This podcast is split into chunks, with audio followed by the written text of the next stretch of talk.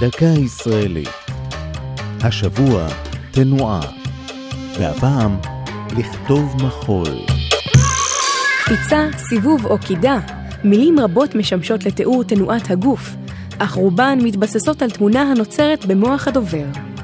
המילים מתקשות לתאר את מיקום האיברים ומכלול פעולותיהם.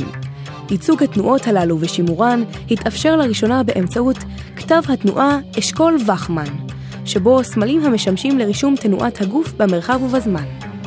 את השיטה פיתחו לפני כ-60 שנה הקוריאוגרפית נועה אשכול, בתו של ראש הממשלה לוי אשכול, בשיתוף עם תלמידה אברהם וכמן.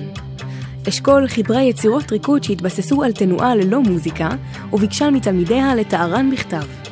וכמן, לימים פרופסור לאדריכלות, הציע נוסחה ראשונית לרישום הריקוד. השניים פיתחו את הנוסחה לשיטה כתובה. הם תיארו את גוף האדם כמערכת איברים הנעים סביב ציר. באמצעות מספרים, אותיות וסימנים גרפיים תיעדו את המיקום והתנועה של כל איבר במרחב ובזמן. כמו ספר תווים מוזיקלי, אפשרה השפה החדשה להעלות על הכתב ריקודים מכל הסגנונות. רופאים, ביולוגים ואומנים החלו להשתמש בה למחקרים שערכו על תנועה ושפת הגוף. נועה אשכול הלכה לעולמה בשנת 2007, ואברהם וכמן נפטר ב-2010.